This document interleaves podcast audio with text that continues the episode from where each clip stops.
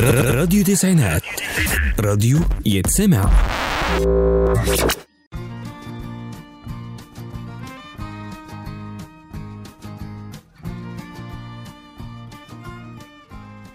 مساء الخير على كل المستمعين معانا على راديو التسعينات FM بيتجدد لقائي معاكم وآخر حلقة من برنامج اسكندراني أصلي.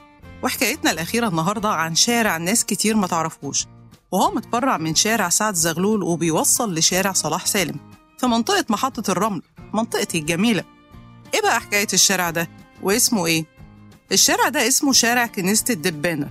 من صغري وأنا بقول هو ليه اسمه كده لحد ما اكتشفت حقيقة الاسم ده من فترة قريبة.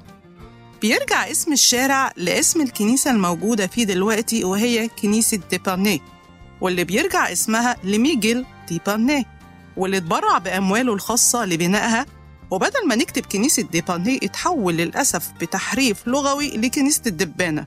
وللأسف كل السجلات الحكومية بتكتبها كده. دبانة يعني.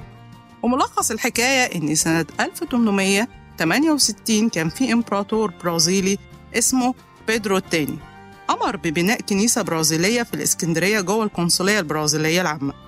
ودي كانت الكنيسة الأولى. وبعدين جه القنصل البرازيلي من أصل لبناني وهو الكونت ميجيل ديباني وبنى الكنيسة الحالية في شارع كنيسة الدبانة. مش دبانة ديباني. ودي كانت حكايتنا مع شارع من شوارع اسكندرية.